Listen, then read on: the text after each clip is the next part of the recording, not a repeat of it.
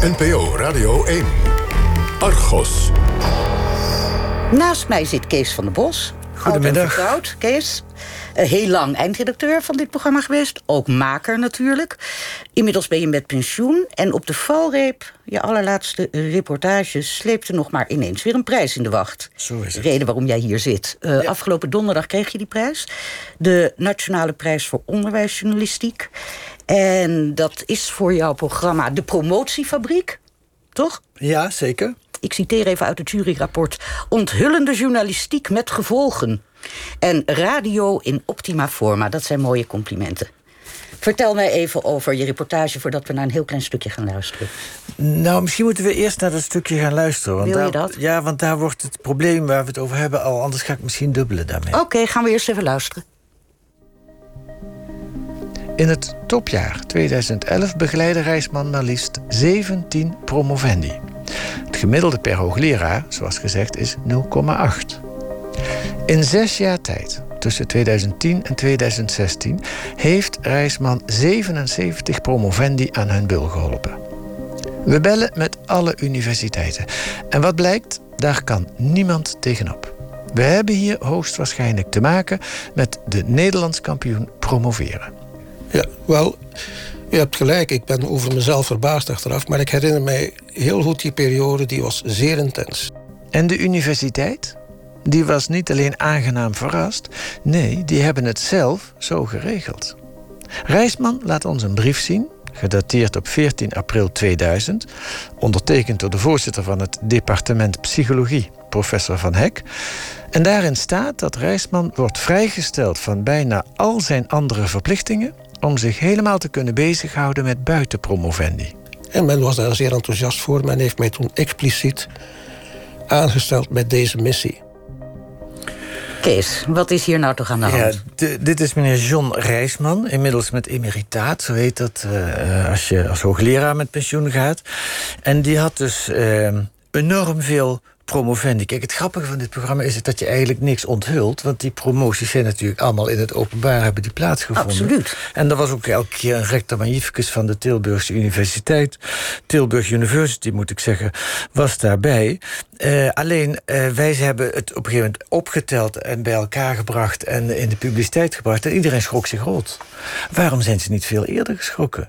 Wat, wat was er aan de hand? Ik ben bij een van die promoties geweest. Daar begint het programma ook mee. Want er zit nog iets geks aan die promoties. Het waren bijna allemaal Amerikanen. He, waarom moeten Amerikanen in Tilburg promoveren en zulke Omdat het inmiddels university heet. Dat zou misschien wel een verklaring kunnen zijn. Nee, de, de, de, promotie waar ik bij was, was in juli. Was een Colombiaanse mevrouw via een Amerikaans instituut promoveerde die in Tilburg.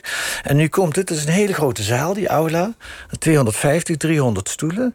Er staat één mevrouw te promoveren. Er zitten vijf hooggeleerde heren in toga's achter, uh, achter een tafel. En in de zaal zat haar vriendje.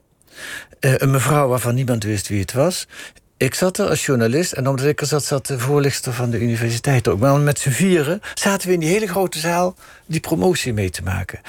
En dat was hoogstwaarschijnlijk niet de eerste keer dat dat zo gebeurde. Die mevrouw komt uit Colombia invliegen om in Tilburg een promotie te doen en vliegt dan weer terug. Dat zijn prachtige beelden. Ja. Maar nou, wat is hier aan de hand? Wie, wie, wie en, en, en toen we dat gingen onderzoeken, bleek er een sprake te zijn van een win-win-win-win-win situatie, zal ik maar zeggen. Die mevrouw is blij dat ze promotie, dat ze mag promoveren. Dat is in Amerika nogal een gedoe en een kostbare zaak. In Tilburg gaat het veel sneller, is het veel goedkoper. John Reisman is blij, want die hoorde je, die is vrijgesteld om zoveel mogelijk mensen te laten promoveren. En de universiteit is blij, want die krijgen per promotie 70.000, 90.000 euro. Goed. Dus ze hebben miljoenen verdiend. Dus wel degelijk iets onthullend. Namelijk gewoon, jullie hebben dingen bij elkaar opgeteld... en dan komt er een niet te begrijpen berg van promoties. Ja. Meteen de dinsdag na de uitzending Kamervragen. Ja. Van de SP, onder andere van de VVD, van het CDA, iedereen. Ja, collega Frank Futsla van Henk van Gerven... die, die zat ook in het uh, programma. Die munte de term promotiefabriek... waar we dankbaar, uh, dankbaar gebruik van hebben Drankbaar? gemaakt. Dat was een Freudiaanse verspreking, geloof ik. Waar we dank dankbaar gebruik van hebben gemaakt. Want dat geeft het beeld eigenlijk wel goed weer, natuurlijk. Ehm, ja, uh, en niet alleen de SP, ook het CDA uh, maakte zich zorgen. We hebben deze week nog eens wat de Kamerleden gebeld. Van hoe staat het er nu voor? Want inmiddels heeft de minister in antwoord op die Kamervragen een brief geschreven. Minister van Engelshoven nu? Ja, minister van Engelshoven. En wat blijkt, het gaat hier om buitenpromovendi. Nou ja, Amerika is nogal ver buiten, zou je kunnen zeggen. Maar het gaat dus om promovendi die niet aan de universiteit werken, maar van buitenaf. Ik zou het nu ook kunnen gaan doen, in theorie, als ik er slim genoeg voor was. Uh, die buitenpromovendi, vroeg de Tweede Kamer, hoeveel zijn er daar nou van? Wij, ons is het niet gelukt om dat te achterhalen. We hebben ook al die universiteiten gebeld. Nu blijkt dat het de minister ook niet gelukt is. Ze weten het gewoon niet. En, en, en de academie, de Koninklijke Nederlandse Academie van Wetenschappen? Die weet het ook niet. En de Vereniging van Samenwerking, de Nederlandse universiteiten, weet het ook. VSNU. Ja. Dus de minister heeft weer teruggemeld aan de Kamer. Ja, het spijt me, we weten het gewoon niet. En nu? Uh, en nu komt het uh, straks bij het, uh, na het krokusreces... komt het overleg in de Kamer over de wetenschap. En dan hebben een aantal Kamerleden... die hebben we deze week even gebeld van... wat gaan jullie er nu mee doen? En dan blijkt dat het niet alleen de SP is, gelukkig... en ik ben heel blij met de SP... maar het wordt natuurlijk vooral een zaak... als ook regeringspartijen zich hiermee gaan bemoeien. Ook het CDA, Harry van der Molen, vindt... die, die wil zelfs nog een stapje verder gaan. Lijkt mij een beetje gewaagd, maar goed, die heeft het erover moet er geen geld terug van Tilburg naar de overheid? Hebben ze dat wel legaal gekregen? Nou, volgens mij hebben ze procedureel niks misgedaan, hoe, hoe, hoe gek het er ook allemaal uitziet. Maar goed, dat moet de minister allemaal uitzoeken. En Judith Thiele van de VVD die zegt... moeten we niet eens kijken naar de kwaliteit van die promoties? Nou. Moet er niet een commissie komen die zegt... Uh, en dat uh, wordt ondersteund door professor Bram Bunk... Uh, een collega van John Rijsman. En die is professor in Amsterdam, zeg ik nu even. Ik geloof het wel, ja. Uh, die heeft voor ons een aantal van die promoties bekeken. Een stuk of zes. En die zegt, het zijn helemaal geen promoties. Het is helemaal geen. Het, zijn, het ene noemt hij, vergelijkt hij met de brieven van de apostel Paulus. Het zijn, het zijn geloofsopvattingen. Het zijn, uh, hij vindt het onder de maat. Nou is dat op zich binnen de wetenschap ook weer niet zo gek. Je hebt altijd heel enorme tegenstellingen, dus daar moet je niet, niet, ook weer niet helemaal op afgaan. Maar uh, nou, er zijn dus een aantal partijen, ook de ChristenUnie maakt zich zorgen, die de minister opnieuw gaan bevragen. Ja, en mij lijkt dat ik kan mij toch ook voorstellen dat de Koninklijke Academie hiervan op de achterste poten staat en zelf eens een keer op onderzoek uitgaat. Die ja, ja, zullen toch ook enige verantwoordelijkheid moeten voelen, of niet? Ja, ja, ja, dat ligt gevoelig. Er is wel contact geweest, want professor Bunk heeft, uh, de, die zit in de Koninklijke Academie en die heeft contact opgenomen met de voorzitter. En die hebben weer contact opgenomen met Tilburg. Maar Tilburg heeft gezegd: nee, we zoeken het liever zelf uit. En het KNW heeft het daarbij gelaten. Zeg ik net als een ziekenhuis. Nee, we hoeven geen onafhankelijk orgaan, we gaan het zelf uitzoeken. Ja, en wat ze nu gaan uitzoeken in opdracht van de minister is ook nog heel beperkt. Ze moeten nu uitzoeken of al die 77 promoties, of in totaal zijn het 153 als je meer jaren neemt, of die allemaal volgens de juiste procedure verlopen zijn. En of er in die promotiecommissies, en dat is op zich wel een zinnige vraag, wel een goede variatie was van co-promotoren. Um, en ik veronderstel eerlijk gezegd dat allebei die dingen redelijk goed voldaan is. Want wij hebben daar natuurlijk ook naar gekeken. En er waren best veel verschillende co-promotoren die daar telkens bij zaten. Oké. Jullie kwamen dit overigens op het spoor... naar aanleiding van een eerdere uitzending van Argos... over een heel andere zaak die speelde op de Tilburg University. De zaak Arie de Ruiter. We gaan even luisteren naar een kort fragment. U hoort collega Huub Jaspers in gesprek met professor de Ruiter... en de kwaliteit is ietsje minder, want er wordt auto gereden tijdens het gesprek. Dan vraag ik u toch nog een keer. Dat bedrijf Isoloticera komt heel vaak voor. Wat is dat voor een soort bedrijf? Waar, waar zijn zij goed in? Nou, ze zijn onder andere goed in mij ondersteunen.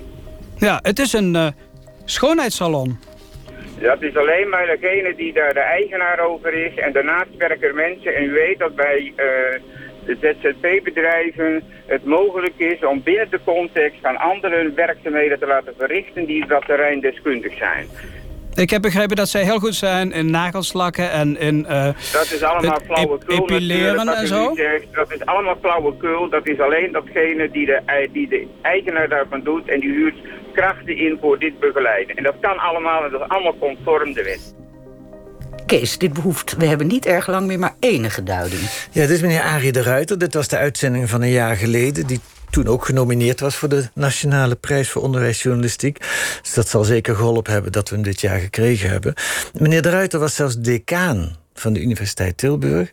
Had het daarom erg druk, want hij uh, begeleidde zo'n zeven promoties per jaar. En heeft bedongen bij de universiteit dat hij dan 30.000 euro per promotie kreeg om hem te helpen.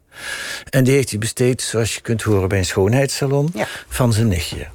Met andere woorden, er is meer dan een miljoen euro en via die schoonheidssalon en later nog via een ander bedrijf van zijn neef, is eh, zo van de universiteit verdwenen. En justitie zoekt nog steeds uit waar dat geld gebleven is. En het is wel zo dat meneer de Ruiter na die uitzending ook drie dagen gearresteerd is geweest. En er wordt nu door de rechtercommissaris eh, onderzocht. Hij is eh, beschuldigd van fraude en valsheid in geschriften. Goed, Kees. Nou, we blijven met Argos natuurlijk. De hele promotiefabriek Perikelen in Tilburg. En misschien beperkt het zich niet tot Tilburg, dat weet ik niet.